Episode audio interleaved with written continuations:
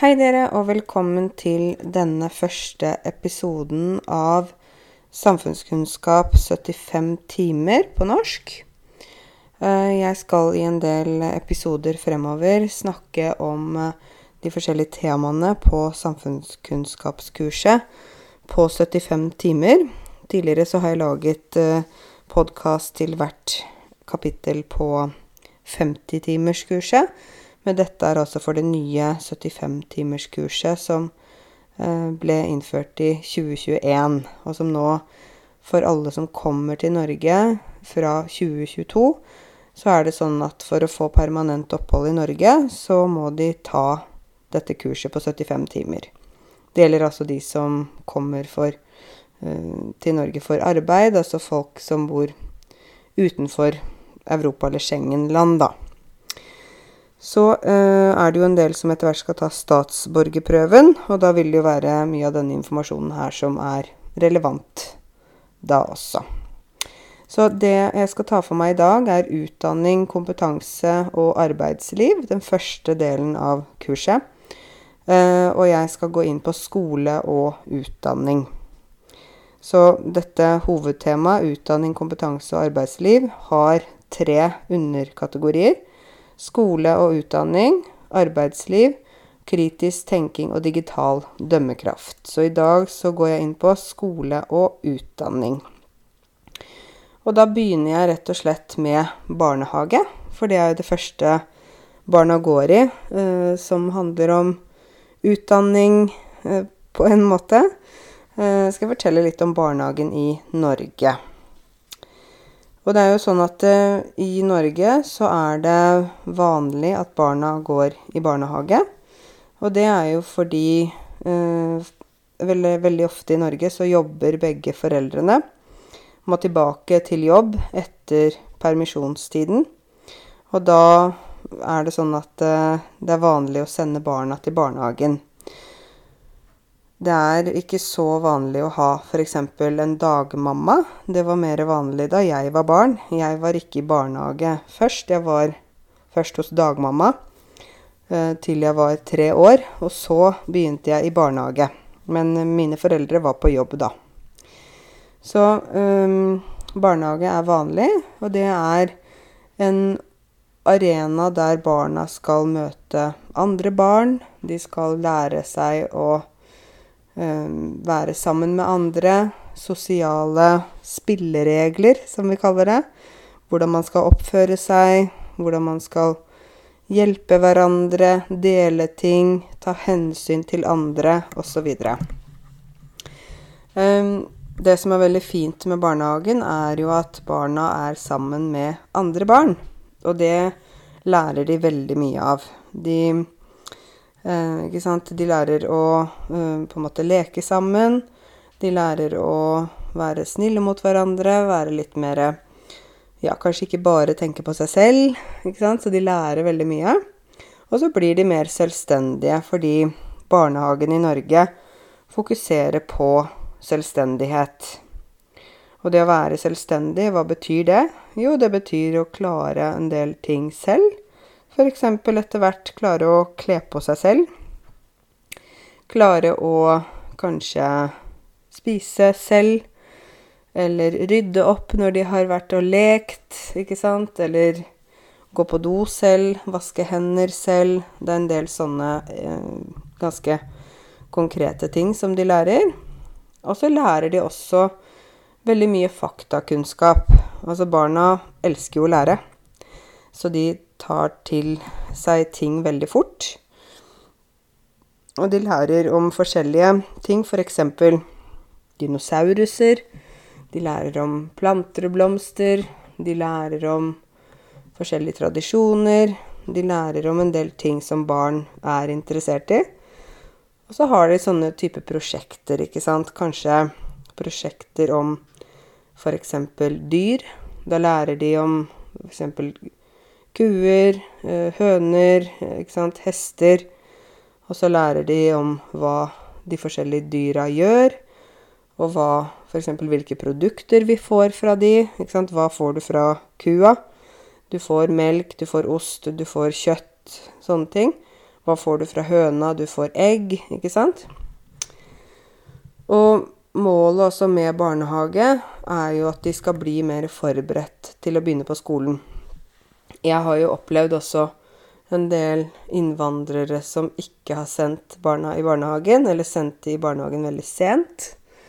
Og da har de fått problemer når de har begynt i første klasse. Fordi det skjer veldig mye i barnehagen. De lærer veldig mye som de får bruk for senere. Og det er veldig dumt hvis de går glipp av. Fordi hvis de da starter på skolen og nesten ikke har gått i barnehage, eller bare gått litt, så er det mange ting de ikke har lært. Og da kan det bli vanskelig for dem å komme inn i en ny klasse med mange nye barn, ikke sant, mange regler. Læreren forteller de ting, de skal oppføre seg på en spesiell måte, osv. Så, så det er veldig viktig, uh, synes vi i Norge, at barna går i barnehagen.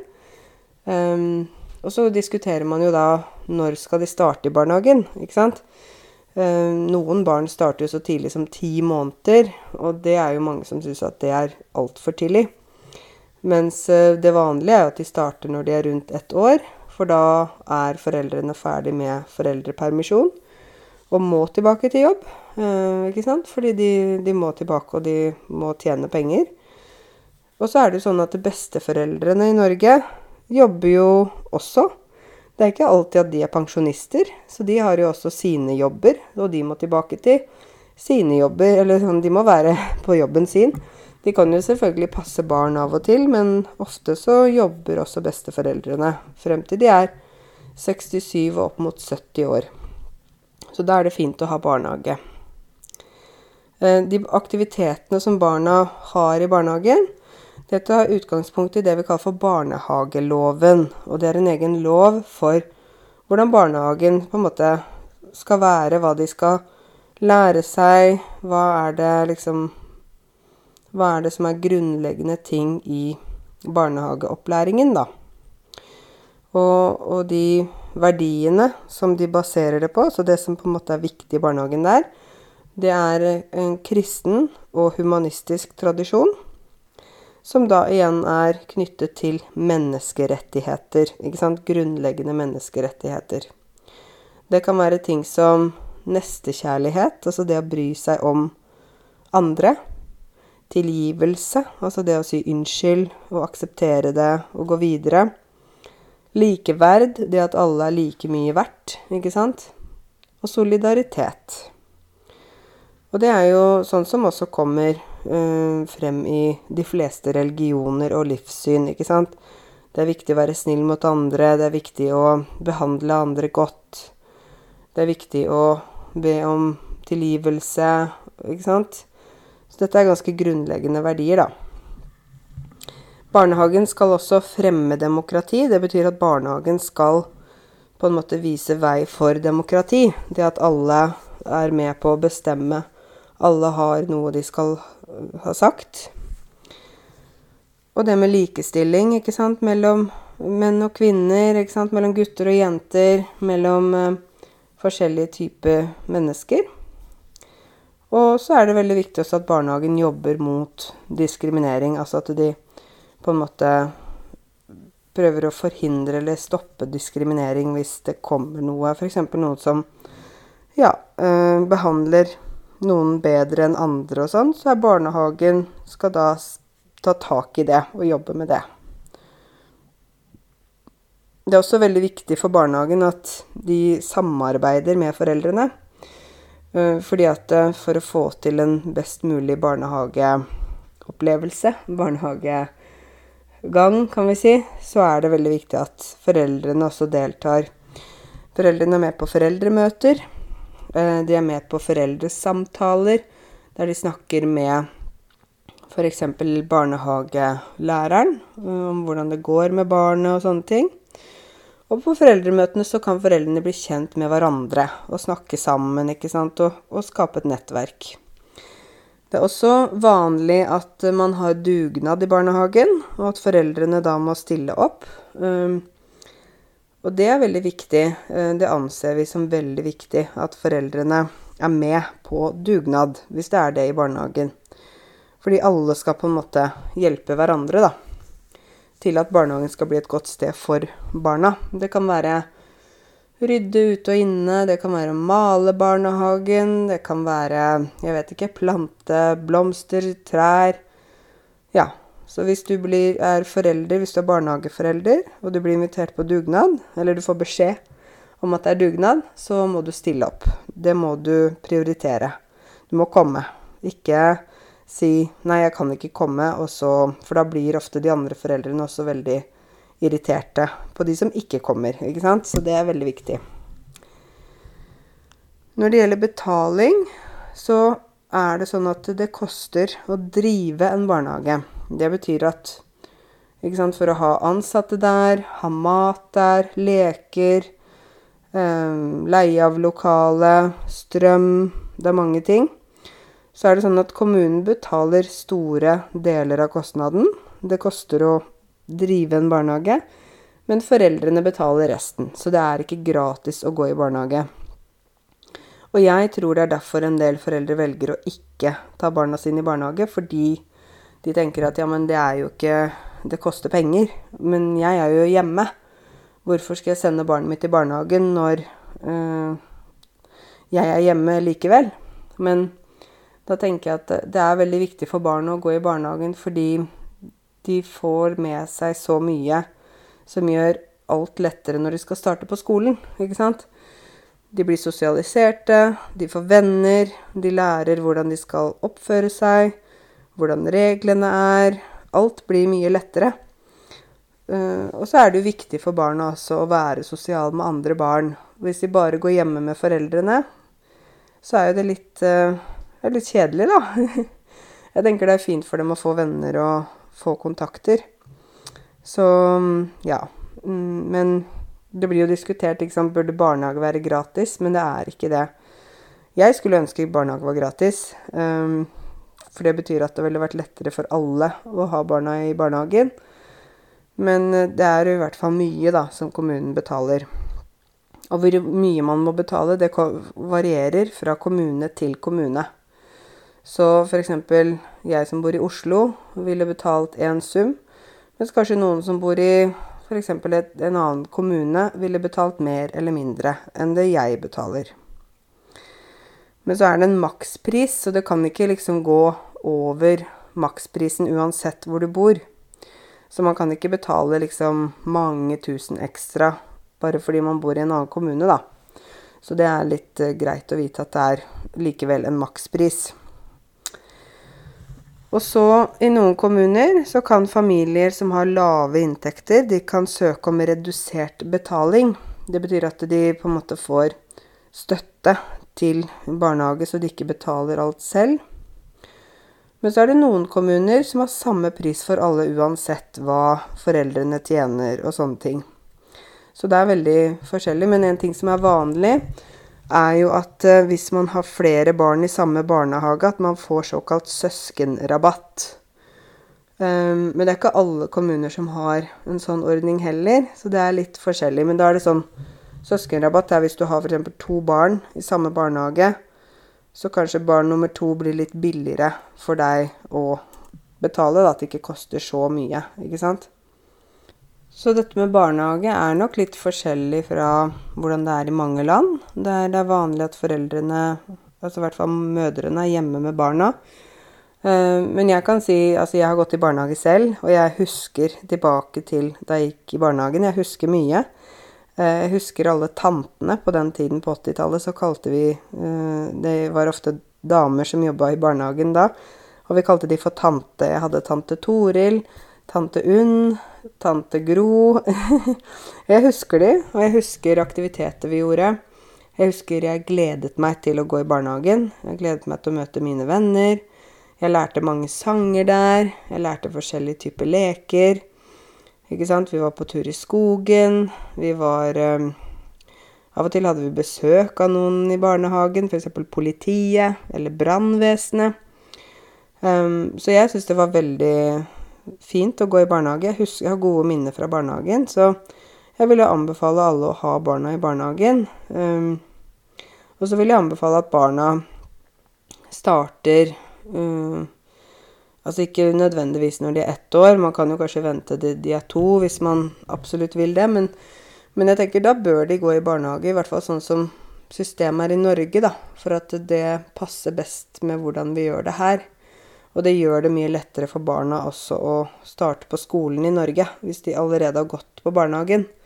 For da kjenner de noen fra før, som de kanskje kommer i samme klasse. Foreldrene kjenner andre foreldre, ikke sant. Det er mange ting som går lettere, da. Um, og barn som ikke snakker norsk hjemme, de vil jo møte norsk språk i barnehagen, ikke sant. Og det er jo også fint, fordi hvis de ikke kan noe norsk når de begynner på skolen, så vil de jo ligge langt etter. Og det vil jo være vanskeligere, da. Så det er veldig fint at de får trent da på norsk i barnehagen også.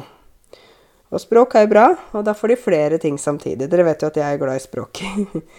så jeg tenker det er eh, veldig bra. Og så er det Mange barn syns at de har det veldig bra i barnehagen, da. Og foreldrene ser også at de virkelig trives. Og det er jo et godt bevis på at de har det bra, tenker jeg da. Så send barna i barnehagen, dere. Det er ikke dumt å gjøre. Da skal jeg gå over og snakke om grunnskolen, og jeg som er grunnskolelærer, jeg kan jo mye om dette her.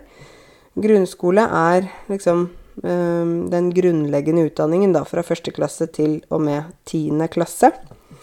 Um, og så er det jo etter det er det videregående og sånn, men nå skal jeg snakke om grunnskole.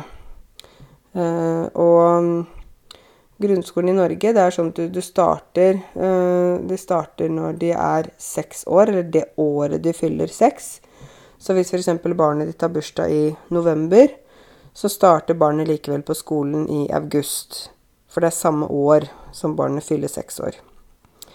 Um, i Norge så er det sånn at alle barn har rett til opplæring i 13 år. Det betyr grunnskolen, den er på 10 år.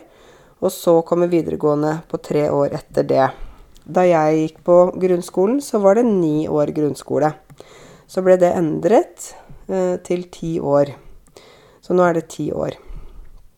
Grunnskolen er obligatorisk, og den er gratis. Og det at den er obligatorisk, betyr at man da må gå på skolen. Det er ikke lov å ikke sende barna på skolen i Norge.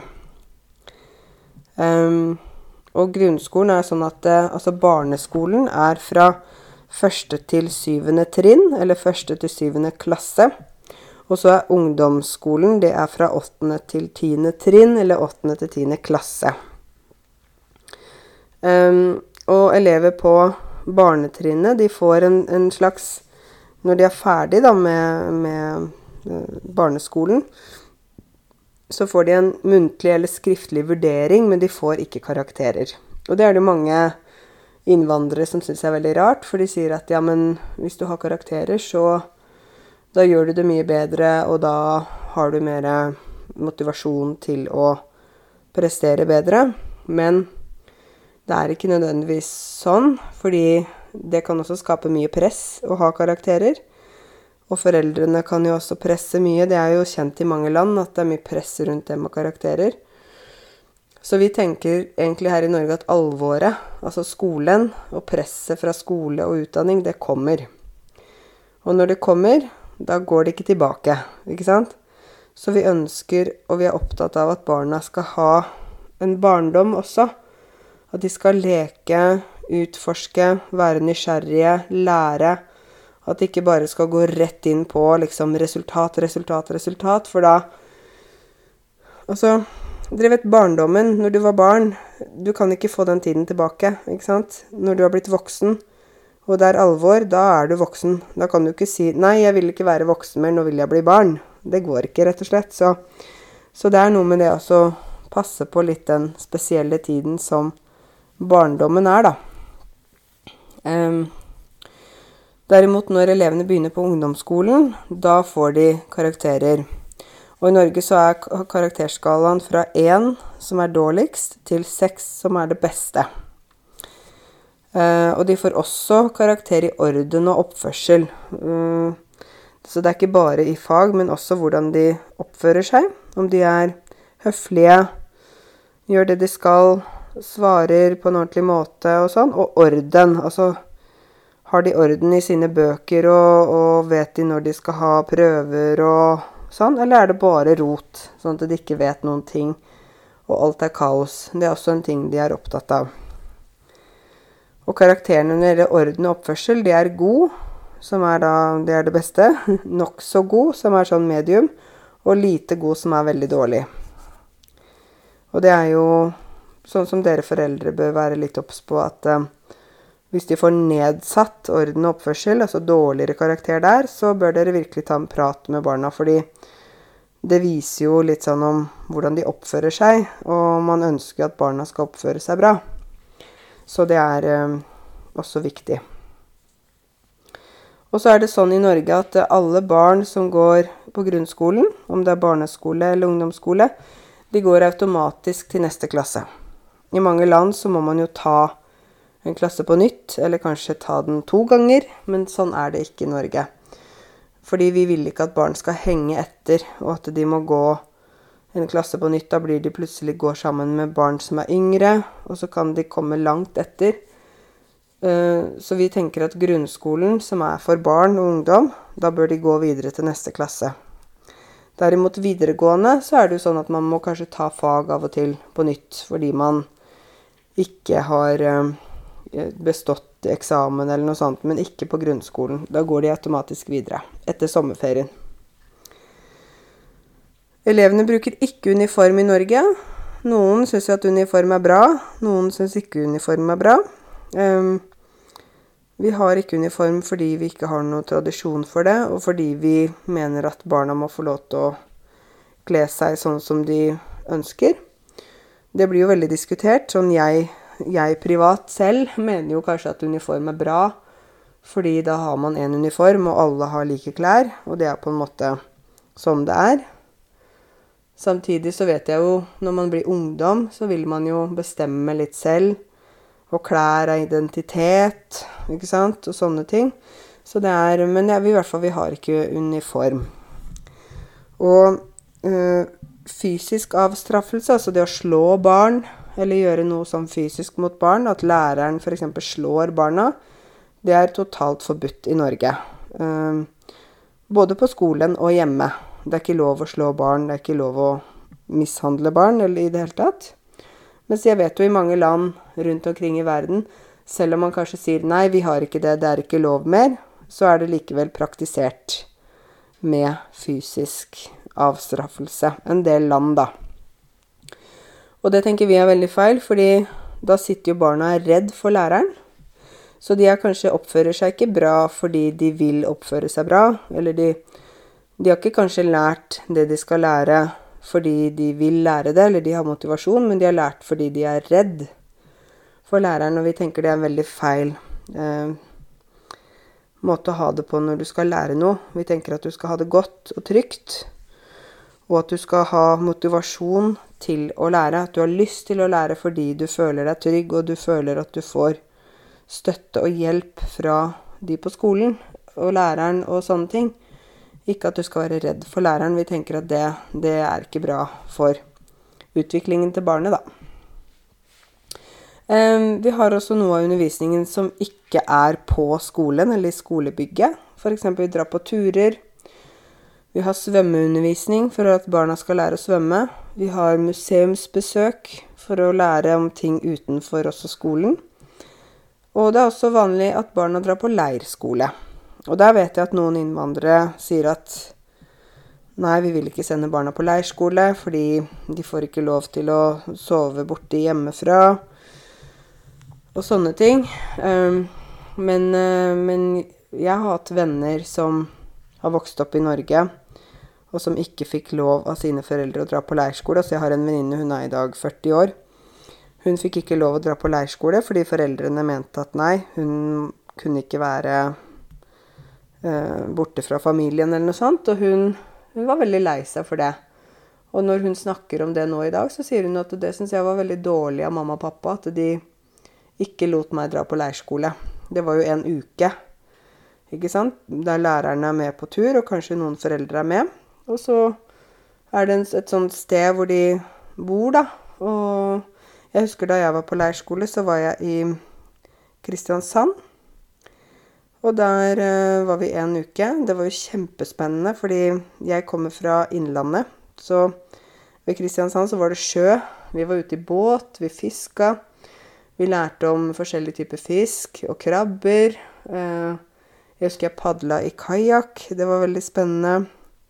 Om kveldene så spilte vi kort og fikk nye venner, for vi var der sammen med barn fra en annen skole. Og vi hadde på forhånd hatt kontakt med de barna. Og på den tiden så hadde vi ikke Internett, så vi sendte brev eh, før vi skulle på leirskole. Så vi var jo veldig spent på liksom hvem er de andre barna. Så vi fikk oss nye venner eh, og hadde kjempegøy. Lekte mye, spilte eh, fotball ute.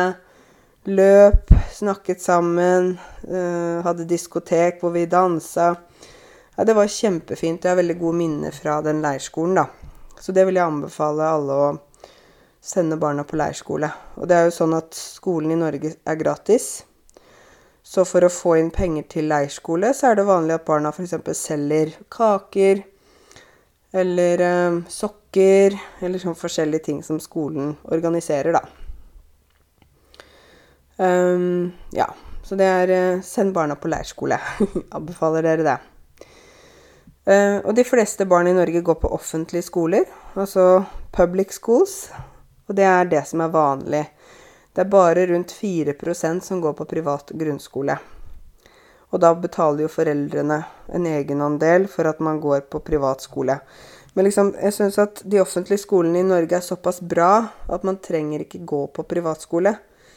Det er vanlig å gå på den offentlige skolen som er der man bor. Altså, utdanning skal være gratis og for alle.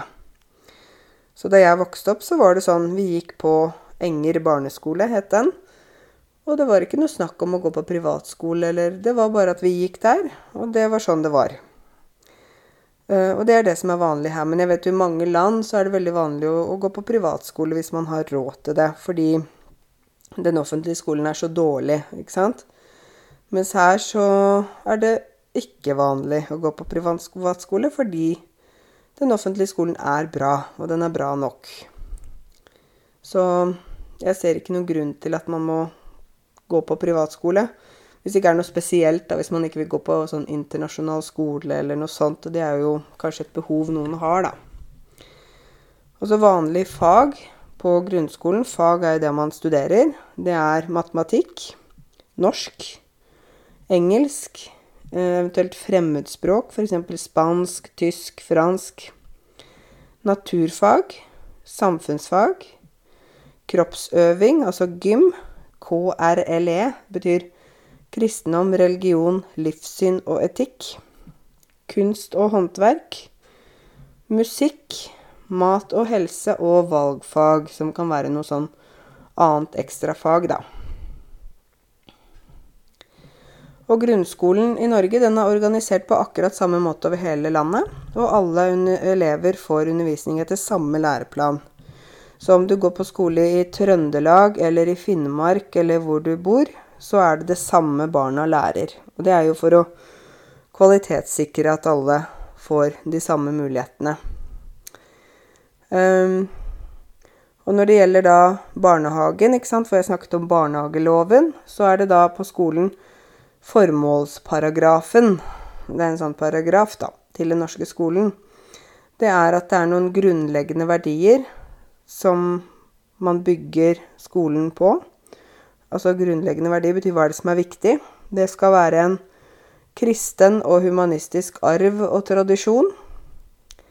Som f.eks. respekt for hva vi mennesker er verdt, og hva naturen er verdt. Det skal også bygge på åndsfrihet, nestekjærlighet, igjen det med å elske dine neste, de som, dine venner. Tilgivelse, likeverd og solidaritet. Så det er sånn samme verdiene som man også møter i barnehagen. Så det å gå i barnehage, da blir du allerede introdusert for det som kommer på skolen. På skolen i Norge så er det vanlig at elevene jobber mye i grupper. Og de har ofte prosjektarbeid. Da jobber de sammen, de samarbeider. Og det er jo også fordi uh, vi vil at barna skal lære å jobbe sammen med andre og ta hensyn til hverandre. Og i arbeidslivet i Norge så er det jo også vanlig at vi jobber sammen i prosjekter, på grupper. Så når barna lærer dette her på skolen, så er de klare for en dag for arbeidslivet, og hvordan det er i Norge. Og alle barn i norsk grunnskole har rett til lik opplæring. Og hvis det er elever som trenger ekstra hjelp, så skal de få det. F.eks. hvis noen har dysleksi, lesevansker, eh, vanskeligheter med matematikk eller andre ting, skal, skal de få ekstra hjelp. Det skal ikke gjøres forskjell på elever, basert på hvor de bor, hva slags familiebakgrunn de har, om de er, hva slags kjønn de har. Så det Alle skal behandles på en måte med respekt og behandles likt. Det er ikke mange spesialskoler i Norge. Det er noen spesialskoler for barn med veldig spesielle behov, men ellers så går barna på offentlig skole. Uh, og de fleste barn får det de trenger både på skolen og i nærmiljøet der de er, da. Ikke sant? Så nå har du hørt litt om skolesystemet, og det er sikkert du tenker Oi, her er det veldig mye forskjellig fra hvordan det er i Norge, og hvordan det er i hjemlandet mitt. Det er ganske mange forskjellige ting. Både det med karakterer, uniform, offentlig og privat skole, ikke sant. Det er mange ting som gjør at man liksom tenker litt at å ja, det er, eh, det er ganske forskjellig, selv om mye er likt også. Så det er litt greit å reflektere litt over, da. Jeg vil gjerne fortelle litt også om uh, dette med skole-hjem-samarbeid, for det er nok også litt forskjellig fra Norge til mange land.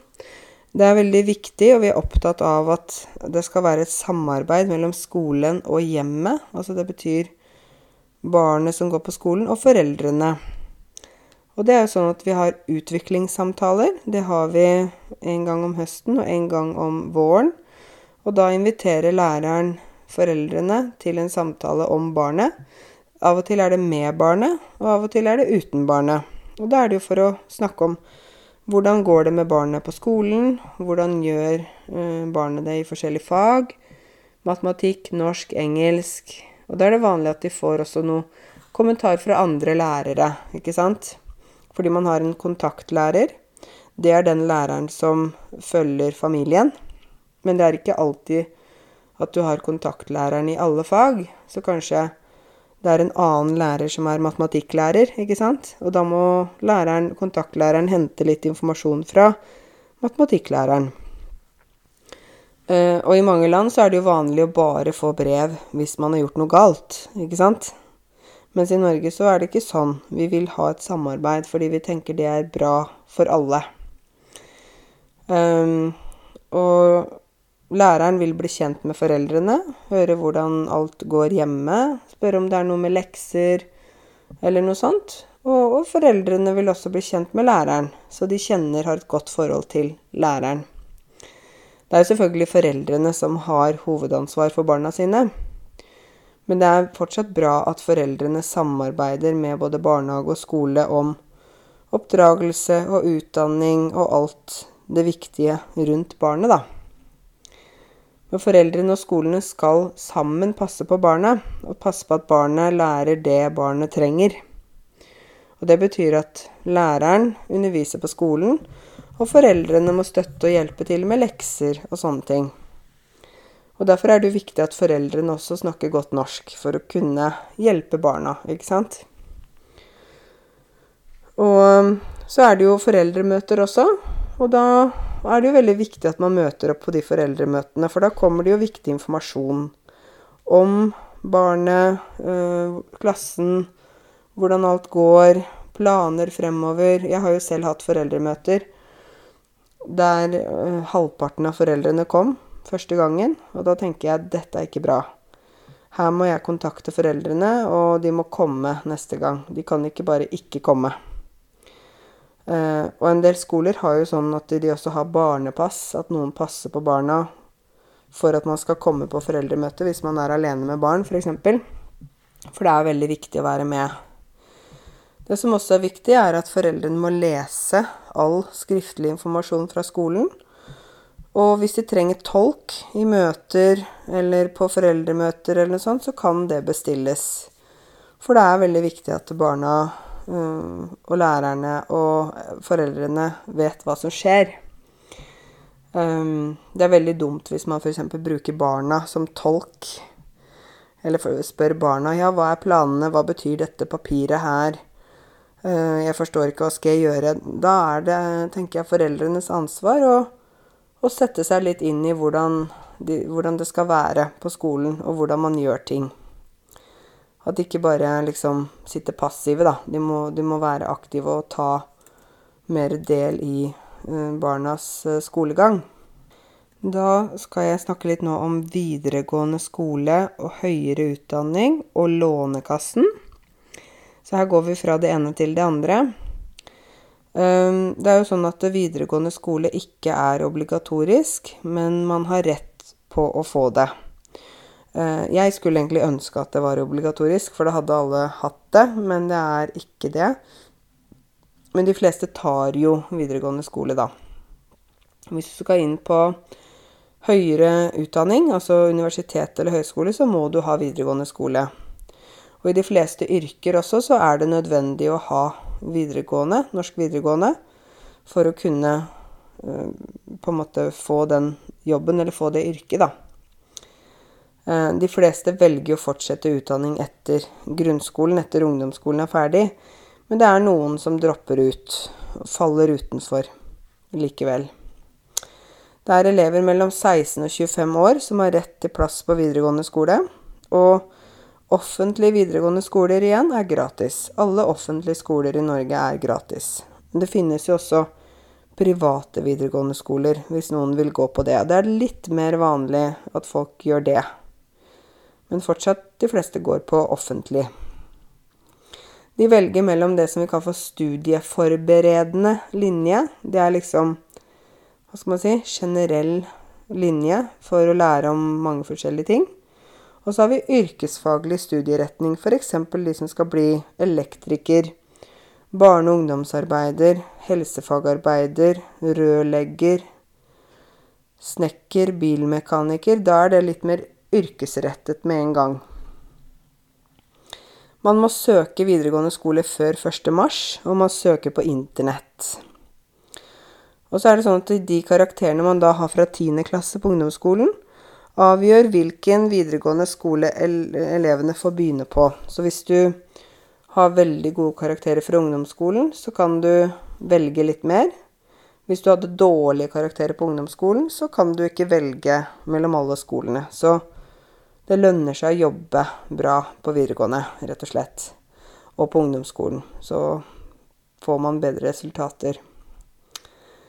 Um, når det er yrkesfaglig studieretning, så får elevene en praktisk utdanning og fagbrev når utdanningen er fullført.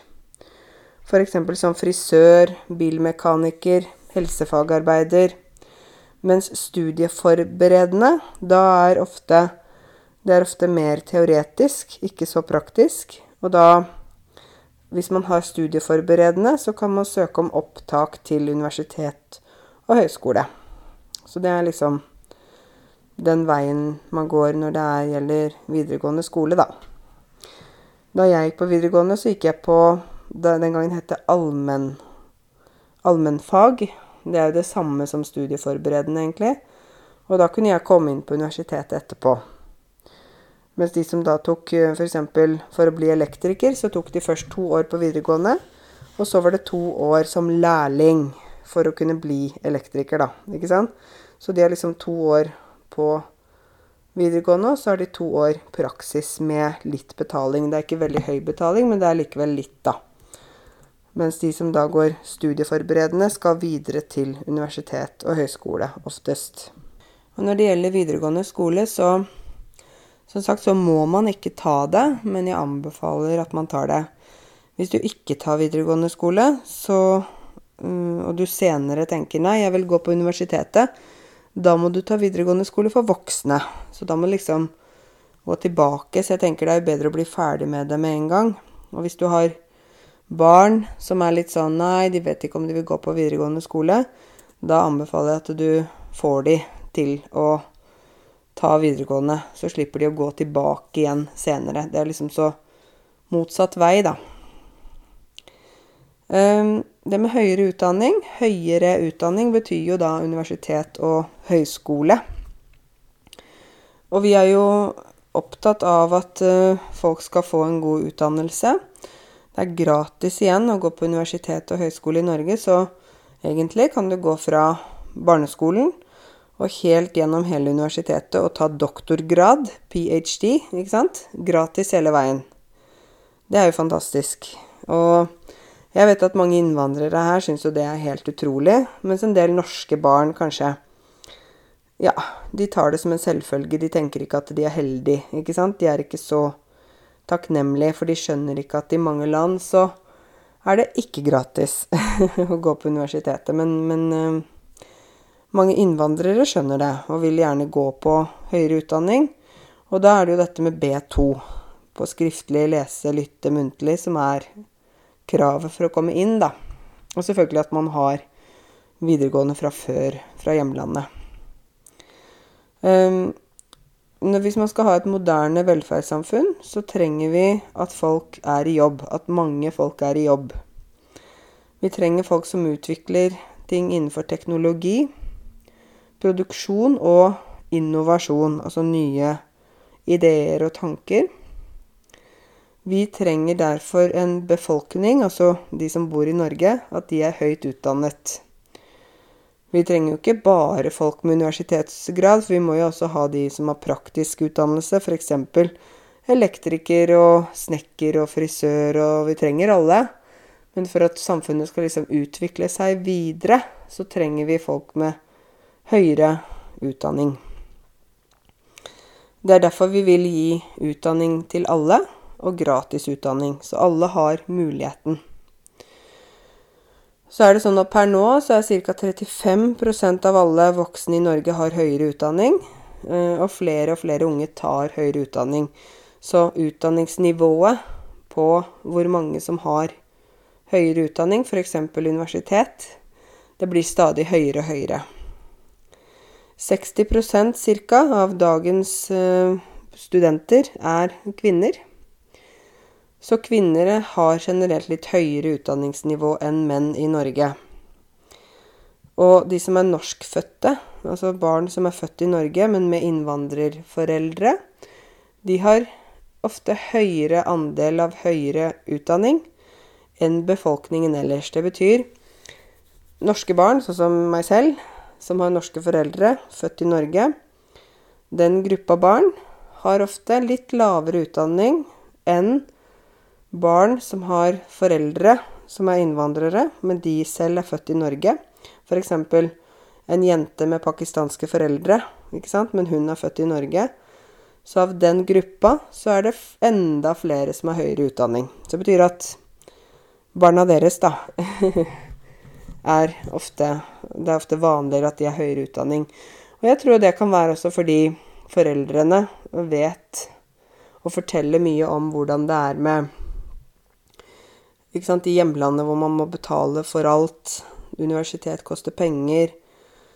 Og sånn, og her er det gratis, så hvorfor skal ikke barna gå på universitet når alt er gratis? De må jo gjøre det, ikke sant? Uh, mens norske barn igjen tror jeg kan være litt sånn Nei, jeg vet ikke om jeg gidder. Kanskje jeg er kjedelig. Å, jeg vil heller jobbe, jeg vil reise, ikke sant. De er Altså, jeg personlig vil kalle en del norske barn litt bortskjemte. Særlig hvis de ikke gidder å ta høyere utdanning bare fordi de er late, da. Det syns jeg er veldig dårlig, altså.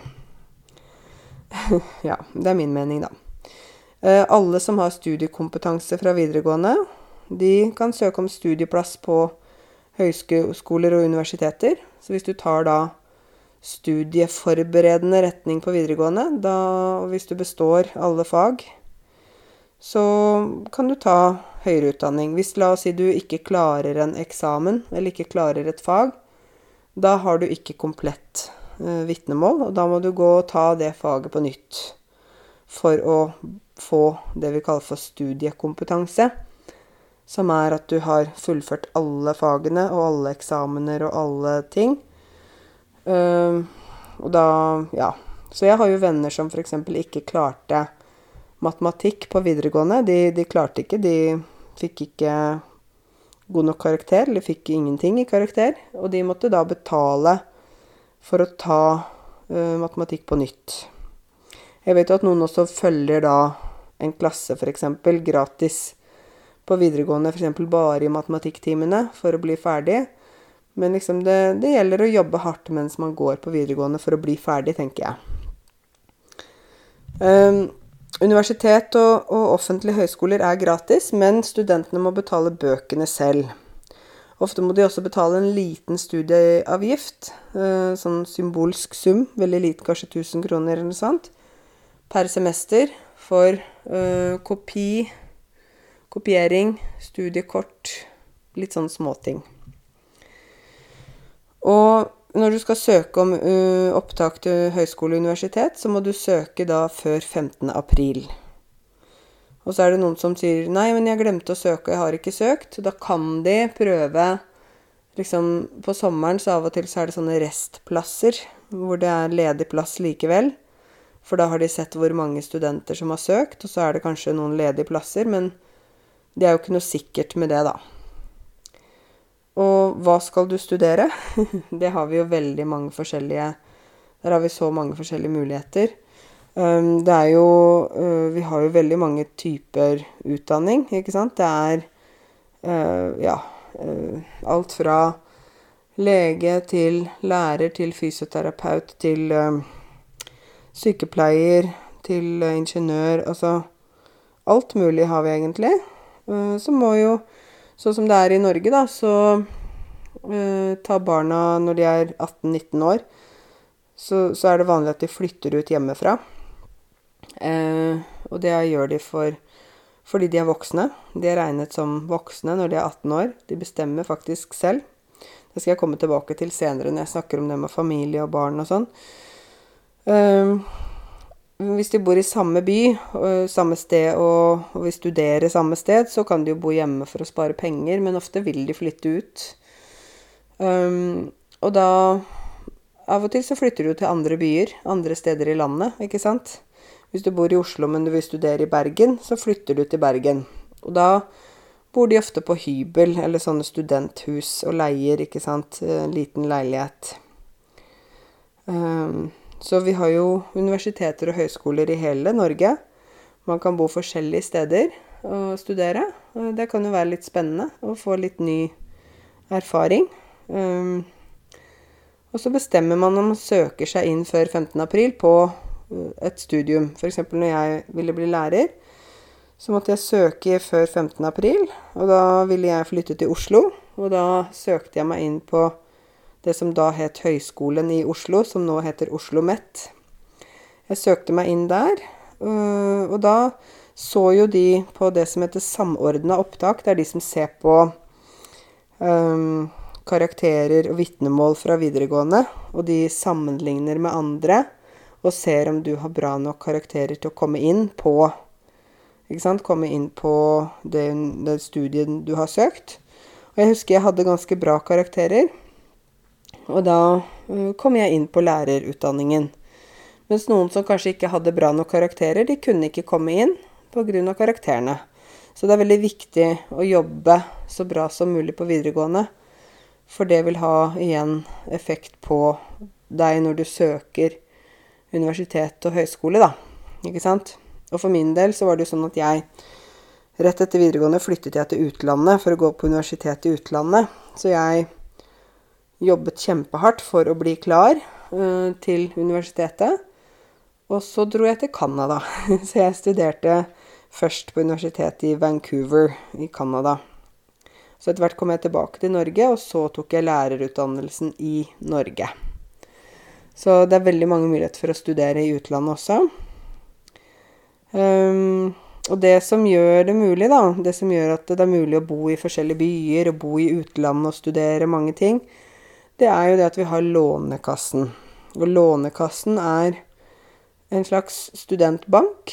Ehm, for selv om det er gratis med universitet og høyskole, så trenger du jo penger til andre ting mens du studerer. Du trenger penger til å betale bolig, mat, Kjøpe bøker, ikke sant. Eh, kjøpe noe klær.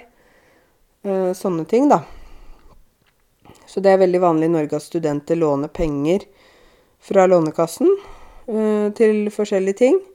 Så gir Lånekassen både stipend og lån til de som tar utdanning i Norge, og til norske studenter som tar utdanning i utlandet, sånn som jeg gjorde i Canada. Så på den måten så har alle som vil, de kan ta høyere utdanning. Uansett om de er mann eller kvinne, hvor gamle de er, hvilken sosial situasjon de kommer fra, familiens økonomi osv. Eh, og voksne kan også søke stipend eller lån til grunnskole og videregående opplæring hvis man må ta det som voksen. Jeg husker da jeg dro til Canada, så var det helt fantastisk. Altså jeg Først vil jeg bestemme meg for at jeg vil studere i utlandet. OK. OK, hvilket land vil jeg studere i? og da brukte jeg litt tid på Jeg tenkte at jeg vil lære meg flytende engelsk, så jeg vil studere et land der eh, de snakker engelsk. Og da øh, tenkte jeg OK, ikke USA, fordi der bor det mange nordmenn. Jeg vil ikke være med så mange nordmenn. Og heller ikke Australia, der bor det mange nordmenn. New Zealand var litt fremmed for meg veldig langt borte. England, det var for nært. Jeg ville ikke bo i England. Uh, og da etter hvert så fant jeg ut at Canada, det er passe land for meg.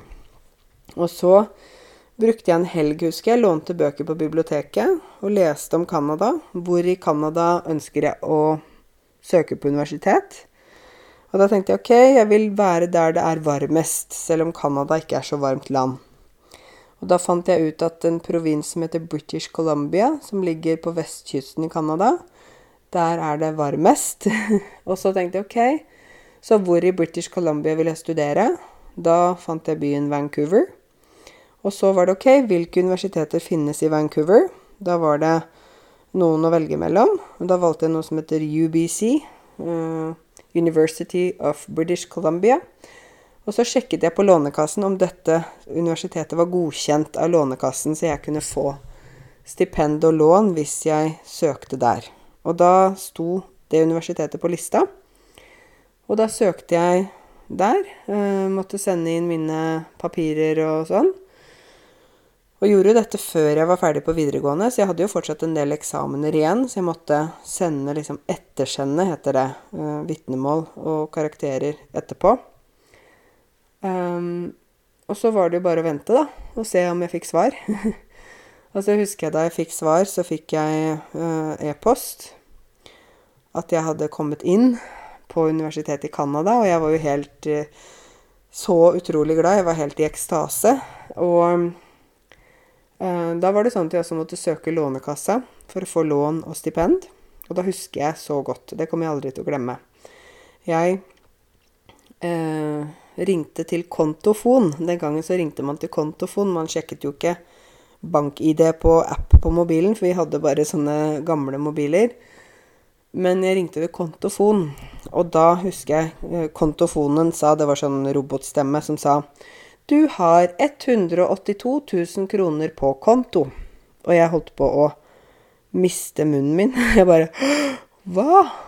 Eh, og det var jo da stipend skolepenger, ikke sant, mat, betale studenthybel, leilighet, eller sånn bare rom, da, som jeg hadde, og alt mulig. Uh, det fikk jeg fikk alle pengene med en gang, og så skulle jeg da etter hvert betale skolen og alt sånt, for det er jo koster mye å gå på universitet i utlandet, ikke sant, det er ikke gratis. Og da måtte jeg jo ha mye penger til det. Og jeg var helt i sjokk. Jeg var 18 år og hadde 182 000 kroner på konto. Ikke sant? Med de 182 000 så kjøpte jeg flybillett. Jeg betalte skolepenger. Jeg betalte for uh, bolig. Altså, jeg bodde på sånn studenthus. Jeg kjøpte mat. Jeg kjøpte bøker. Um, så var det jo alt mulig, da. Fra bussbillett til uh, litt klær til uh, forskjellige ting. ja. Og så var det sånn at når jeg besto eksamen, så var ble 30 av de 182 000 Det ble automatisk stipend. Det betyr at jeg ikke trengte å betale de tilbake. Men hvis jeg ikke besto eksamen, da ble alt 182 000 lån. Så det var også litt motivasjon for meg til å prøve å bestå, ikke sant. Så jeg slapp å ha lån, da, ikke sant. Og så øh, nå i voksen alder Så jeg hadde jo lån da jeg bodde i Canada, så fra Lånekassen, og da jeg bodde i Oslo, studerte. Så jeg har et lån nå, et studentlån nå, som jeg er voksen. Og jeg betaler hver måned. Jeg tror jeg betaler 1500, kanskje. Uh, og det er veldig sånn lav rente på studentlån, så det er ikke så mye Koster ikke så mye, men jeg betaler tilbake da. Jeg er kanskje ferdig når jeg er 50 år. Jeg vet ikke. Jeg har jo en del lån, da. Ikke sant? Så ja, det er sånn, man, sånn det er med Lånekassa. Men det er en fantastisk ordning. Uh, fordi eh, alle får mulighet til å både studere i Norge og i utlandet. Ikke sant? Og det tenker jeg er bare helt supert, at det faktisk er mulig. For da kan jo alle eh, Alle kan jo da faktisk være studenter, uansett hva slags familiebakgrunn og sånn de kommer fra. Så det er veldig, veldig bra. Jeg skal snakke litt om opplæring for voksne også. Dere som hører på meg, er jo gjerne voksne. um, og det er jo sånn at um, når man er voksen, eller man er ferdig med universitet, når man er ung voksen, har jobba i noen år, så er i Norge er det veldig vanlig at voksne kan ta en helt ny utdanning når de er voksne. Så det er ikke sånn at den utdanningen du tar da du f.eks. er 20 år, at du, hvis du blir lege da, da du er 20 år, studerer medisin, så er du lege og ferdig. Nei, kanskje plutselig så vil du bli noe annet. Du vil plutselig bli lærer. Da kan du plutselig begynne å studere i en alder av 45 eller 50 år. Og det er nok litt forskjellig fra andre land, der man betaler for utdanning, ikke sant. Uh, man vil ikke betale for to utdanninger. Men fordi utdanning er gratis i Norge, så er det vanlig å, som vi sier, på en måte bytte uh, vei. Plutselig så Du er lærer, og så Nei, nå vil jeg bli sykepleier. Jeg vil slutte å være lærer. Jeg vil studere til å bli sykepleier og, og jobbe som sykepleier. Så kan man bytte retning. Det er også veldig vanlig at voksne tar etterutdanning eller videreutdanning samtidig som de jobber. Altså at du f.eks. en lærer da, jobber som lærer, men tar etterutdanning, tar mer utdanning i et fag, eller tar videreutdanning for å få ekstra fag, nye fag. F.eks. hvis jeg er norsklærer og jeg vil bli spesialpedagog, så kan jeg ta spesialpedagogikk for å også få det faget. Um, og det er veldig vanlig. Jeg syns det er veldig fint, for det betyr at man må ikke være f.eks. lærer hele livet. Man kan skifte mening og bytte vei, og jeg syns det er veldig flott, da, at man kan det. Det at vi lærer hele livet, det kaller vi for livslang læring. Altså vi stopper ikke å lære.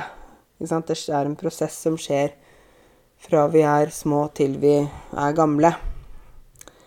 Eh, voksne har jo rett til å få grunnskoleopplæring hvis de ikke har fått grunnskole tidligere, f.eks. en del innvandrere som går på grunnskole for voksne i Norge. Det er også gratis, og det må kommunen tilby de som bor der. Jeg har jo vært lærer på grunnskole for voksne. Da var jeg norsklærer, engelsklærer, men elevene var voksne. Men bøkene var samme som de bruker på ungdomsskolen, f.eks. da. Og voksne som er 25 år eller eldre, de har rett til videregående opplæring. Hvis de ikke har tatt videregående i hjemlandet, så har de rett til å få det i Norge. Da må du ha fullført grunnskole i Norge først, eller i et annet land, før du kan begynne på videregående utdanning i Norge. Eh, da er det fylkeskommunen som har ansvaret for opplæringen. Og videregående skole for voksne er også gratis, og det finnes også mange private skoler, men det er jo igjen koster penger. De er ikke gratis. så selv om videregående for voksne er gratis, så må jo voksne gjerne jobbe litt, fordi de har kanskje barn, familie. Så da er det jo vanlig at mange tar ikke fulltid. Man tar f.eks. norsk og matte ett år, og så tar man samfunnsfag og naturfag et annet år for å, klare det. Um, voksne som tar videregående, de kan også søke om stipend eller låne penger i Lånekassen mens de går på skole. Og det tenker jeg er veldig bra, for da har man mulighet uansett. Så vi er jo egentlig i Norge veldig opptatt av at man hele tiden skal utvikle seg. Hele tiden få mer kompetanse, mer utdanning. øh, lære mer, ikke sant. Så du, du, har Du kan vokse som person. At du ikke bare står på samme sted. Samtidig kan du øh, på en måte Ja. Um, også bidra med mye tilbake til arbeidsplassen din, da. Jeg har en venninne nå som er sykepleier i bånn. Det betyr sykepleier først, grunnutdanningen. Men så nå tar hun mastergrad innenfor eh, smittevern, som med korona og sånn. Um, så hun jobber 100 men hun får Altså jobben på en måte vil at hun skal ta denne mastergraden. Så én dag per uke har hun fri. Da har hun studiedag. Så hun får 100% lønn, men jobber fire dager i uka og er student. Skal skrive masteroppgave. Og det vil jobben gjerne at hun skal gjøre, fordi de vil at hun skal liksom lære mer og øh, komme tilbake til jobben med enda mer kunnskap. Så de ser det på som en bra situasjon for henne å få mer utdanning, og bra situasjon for uh, jobben fordi de får bedre kompetanse fra henne etterpå. Så det er vanlig i Norge. Moren min byttet jo yrke fra å være frisør til å bli interiørdesigner, og da var hun 42 år, tror jeg, da hun gikk på en skole for å bli interiørdesigner. Og da husker jeg hun bodde faktisk uh, på hybel fra mandag til fredag i Tønsberg. Og så var pappa hjemme med meg og søsteren min. Og det var jo spesielt. Så mamma kom hjem i helgene, og så var hun borte i uke for hun gikk på skole. For da hun hadde litt sånn uh, problemer med eksem på hendene sine. Så hun måtte bytte yrke fra frisør fordi huden på hendene hennes ble veldig ødelagt. Så det var jo spesielt. Da bodde mamma borte på en måte et år. Og pappa var hjemme med oss og passa oss, da. Hun kom hjem i helgene. Så jeg tror mamma syntes det var litt deilig også. ja. Det siste jeg skal snakke om uh, i dette her uh, kapittelet her, er jo norskopplæring. Det vet jo dere mye om. det handler jo om at alle som bor i Norge, skal beherske norsk. Klare å bruke norsk. At vi har et felles språk som kan skape fellesskap, og som kan gjøre det lett lettere å bli integrert. Å bli en del av samfunnet. Og så er det jo litt sånn Det kommer an på hvilken oppholdstillatelse du har, øh, hvor du kommer fra, og hva slags type opplæring i norsk du får. De som f.eks. kommer som flyktninger, eller som er gift med norske statsborgere, de får gratis norskopplæring. Og de som eh, f.eks. kommer for, fra utenfor Schengen, området, f.eks. en person fra Serbia eller en person fra India eller USA, de eh, må betale for norskkurs. Og det er jo litt sånn Jeg syns jo det er urettferdig, fordi sånn som i Sverige så får alle gratis kurs uansett, mens her så må enkelte grupper betale for det. Um, noen har rett til gratis, gratis, norskopplæring og plikt til å gjennomføre den også, sånn som f.eks. flyktninger. De må ta norskkurs. De har plikt, det er en plikt de har. Men andre øh, øh, har plikt til norskopplæring f.eks. hvis man vil søke om permanent opphold, men må betale for det selv. F.eks. folk fra India, ingeniører fra India. ikke sant? De har kommet hit for å jobbe. De må ta øh, De må ta norskprøver eller timer selv og betale for det. Så hvor lenge du skal ha norskopplæring, kommer jo an på hva slags mål du har. Uh, vi har jo A1, A2, B1 og B2, det høyeste nivået for å komme inn på universitet. Uh, så da må man jo se på hvor lenge trenger du å gå på norskkurs. Så er det ofte sånn at uh, jo høyere utdanningsbakgrunn du har, så har du ofte høyere mål. Ehm, fordi at du f.eks. jobber i et akademisk miljø og trenger norsk på høyt nivå. Mens hvis du har en mer praktisk jobb, så trenger du mer praktisk norsk og litt enklere norsk. Um, all norskopplæring må være avslutta innen tre år, hvis du får det fra kommunen. Uh, og for de som uh, har videregående skole eller høyere utdanning, så må man da bli ferdig innen ett og et halvt år. Så det kan gå ganske fort.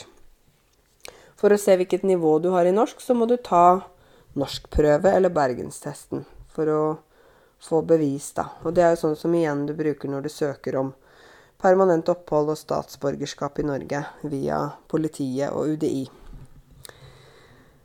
Og hvordan kan du lære norsk? Du kan lære norsk fra meg på YouTube, f.eks. Eh, du kan lære norsk på norskkurs. Du kan lære norsk ved å lytte til podkast som denne. Du kan øh, jobbe og lære norsk på jobben, eller ha en familie der de snakker norsk hjemme. Du kan se på TV, høre på radio, aviser, sosiale medier. Um, de som har barn, hører jo at barna snakker norsk med venner, ikke sant? Um, og så må man jo lære seg norsk for å snakke med lærere og barnehageansatte. Men så er det ikke så lett å snakke eh, norsk, fordi nordmenn er ganske sjenerte og introverte. Så da anbefaler jo jeg at man blir med på noe frivillig arbeid, organisasjon, en organisert plattform, der man møter også nordmenn. F.eks. Røde Kors, Norsk Folkehjelp, eh, Frivillighetssentralen og sånne steder. For da Nordmenn er ikke sånn at de kommer til deg for å snakke med deg om, om hvordan du har det. Nei, du må møte dem der de er. Og hvor er de? De er på trening, f.eks. For forskjellig sport. De er med i frivillige organisasjoner. Um, de driver med musikk, sånn type hobbyer og sånn. Der er det lettere å møte nordmenn. Men bare å møte nordmenn på gata, nei, det skjer ikke. Uh, noen er jo også sånn at de tar språkpraksis på en arbeidsplass bare for å trene språket. Men da syns jeg det er veldig viktig at man eh, også passer på at man ikke blir utnyttet, brukt. For noen arbeidsplasser de bare sier ja, ja, ja, kom på språkpraksis her. Så får du ikke trent språket, men du jobber gratis. Det er jeg veldig imot. Så der må man være veldig forsiktig, da. Ikke sant? Jeg syns det er veldig viktig at det er noe som at man OK, språkpraksis er fint, men da må det være at man får trene språket. Så øh, da er det jo en del øh, ting som jeg nå har snakket om. Vi, vi, har lang tradisjon når det gjelder skole og utdanning. Um, vi har hatt en veldig dårlig situasjon i Norge før, men nå er vi jo et av verdens rikeste land, hvis ikke verdens rikeste land. Uh, og utdanning er viktig. Uh, det er viktig at barn går på skole. Det er viktig at staten betaler for det. Um, vi er opptatt av at alle skal ha lik rett til utdanning, og høyere utdanning også. Og det skal være gratis. Vi er opptatt av at man lærer hele livet, ikke bare fra barn til ferdig på universitet, men også når du er voksen, videre. Og vi er opptatt av at de skal lære uh, grunnleggende ting som de kan få bruk for på forskjellige måter. Både faktakunnskap, grunnleggende ferdigheter som lese, skrive, regne, matematikk. Vi er også opptatt av at de skal lære å bruke det digitale verktøyet. Sånn at barna kan finne god informasjon og bruke det til å løse ulike problemstillinger, da. Så er vi veldig opptatt av at barna lærer å tenke selvstendig og samarbeide med andre. Det er ting som er viktig med skole og utdanning i Norge. Så da er det noen spørsmål til slutt som du kan jo bare tenke litt over nå etter du har hørt denne episoden her. Det er Hva husker du fra skolegangen din når du gikk på skole? Hvordan var forholdet mellom lærer og elev? Hvordan samarbeidet skolen med foreldrene? Hvordan foregikk det samarbeidet der med skole og foreldre? Hva vet du om norsk skole nå, etter alt jeg har snakket om? Så eh, det er jo en del ting som du kan tenke over og reflektere over, da. Men eh, jeg håper i hvert fall at denne delen om skole og utdanning var interessant, og at du føler at du har lært noe nytt. Det håper jeg i hvert fall. Så takk for at du hørte på dette kapitlet, som altså handler om utdanning, kompetanse og arbeidsliv, og skole og utdanning.